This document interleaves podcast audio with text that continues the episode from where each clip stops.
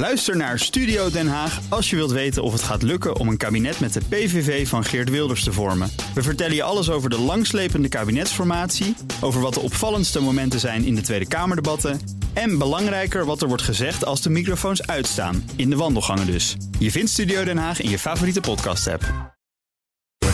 Update.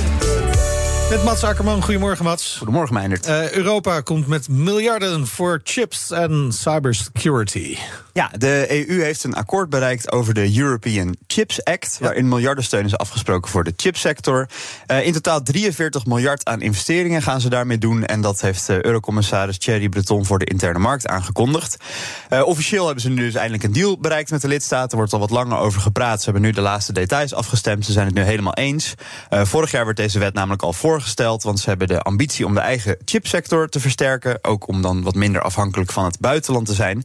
En het doel is dat ze dan het marktaandeel van de Europese Unie gaan verdubbelen naar 20% in 2030. Dus uh, ja, in nog uh, zeven jaartjes moet het marktaandeel verdubbeld zijn.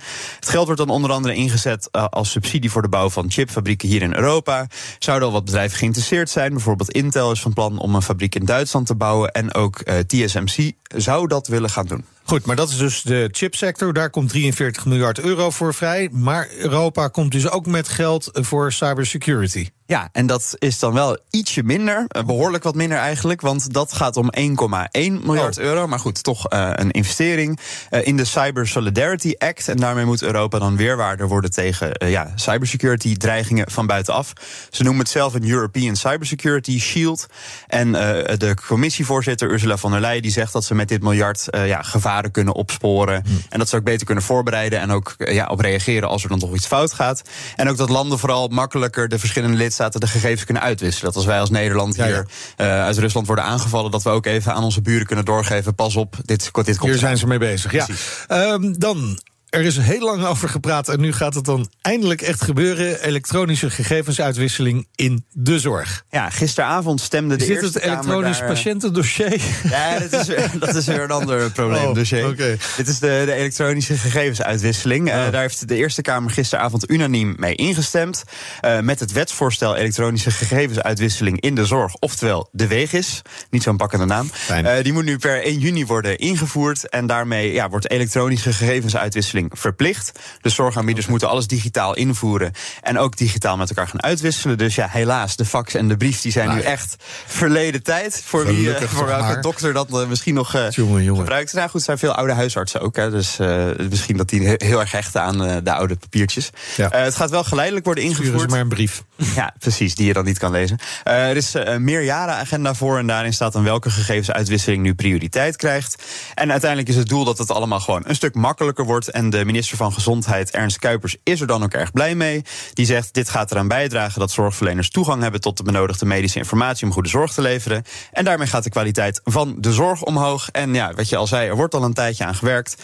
Want minister Bruno Bruins die wilde dit in 2018 al, dat deze toestemming om dat digitale uitwisseling eh, te geven, dat het uit de wet werd gehaald. En nu, vijf jaar later, is het dus gelukt. Ja, dan gaan we naar Netflix. Is met cijfers gekomen natuurlijk. Uh, en zijn best wel tevreden over de resultaten, maar ook tevreden over de eerste resultaten van die nieuwe aanpak voor het delen van wachtwoorden. Ja, dat was hun, hun hoofdpijndossier. Hè. Iedereen deelde die wachtwoorden en daardoor hadden ze minder gebruikers. Ze liepen een beetje leeg. Dus hebben ze de aanpak strenger gemaakt. Uh, dat zijn ze in een paar landen aan het testen. En ze zijn tot nu toe dus zelf tevreden met de eerste resultaten van dat testen. Uh, in vier landen moeten gebruikers op dit moment al extra betalen als ze hun account delen met iemand buiten hun huishouden. Dan voeg je dus een gebruiker toe aan je account. Die is dan ja, wel... Dus als je, als je kind aan het studeren is bijvoorbeeld, dan wil je misschien nog wel voor, je net, voor het Netflix van je kind betalen. Precies. Uh, maar die woont op een ander adres op Precies, dat moment. En dan betaal je een paar euro extra en dan krijgt je kind een iets beperktere account. Dus die ja. kan het maar op één apparaat en op één telefoon gebruiken. Nu gebruiken en, ze gewoon nog ja, het. Uh, precies, ja, nu log je gewoon account in, waar je wil. En, ja, en dan komt er geen enkele euro extra binnen voor Netflix. Nou, deze nieuwe aanpak die wordt de komende tijd uitgerold. Bijvoorbeeld dit kwartaal in de Verenigde Staten en ook ooit naar Nederland. Maar wanneer weten we nog niet. Maar in februari zijn ze hiermee gestart in Canada Canada, Nieuw-Zeeland, Portugal en Spanje. Nou, dan moest je dus al extra betalen. In Spanje bijvoorbeeld 6 euro per maand, in Portugal 4 euro per maand. En daar zijn ze eigenlijk wel blij mee, want ze zien dat de invoering van die toeslag in eerste instantie leidt tot meer opzeggingen. Maar dan op de lange termijn leidt tot meer abonnees. Doordat mensen toch of een los nieuw abonnement afsluiten. Of zeggen: ik voeg toch voor een paar euro extra zo'n gebruiker toe. En in uh, Canada is het aantal abonnees bijvoorbeeld al groter dan voor het invoeren van het systeem. Dus je gaat eventjes omlaag en daarna kom je als het goed is groter terug. Ja, ja, dus nou ja, ze brachten zoals gezegd het nieuws samen met de kwartaalcijfers. Uh, hoe, hoe zagen die eruit? Ja, ze kregen er 1,75 eh, miljoen uh, nieuwe klanten bij op een totaal van 232 miljoen. Was wel iets minder dan gehoopt, want analisten hadden verwacht dat het er 2,4 miljoen zouden zijn.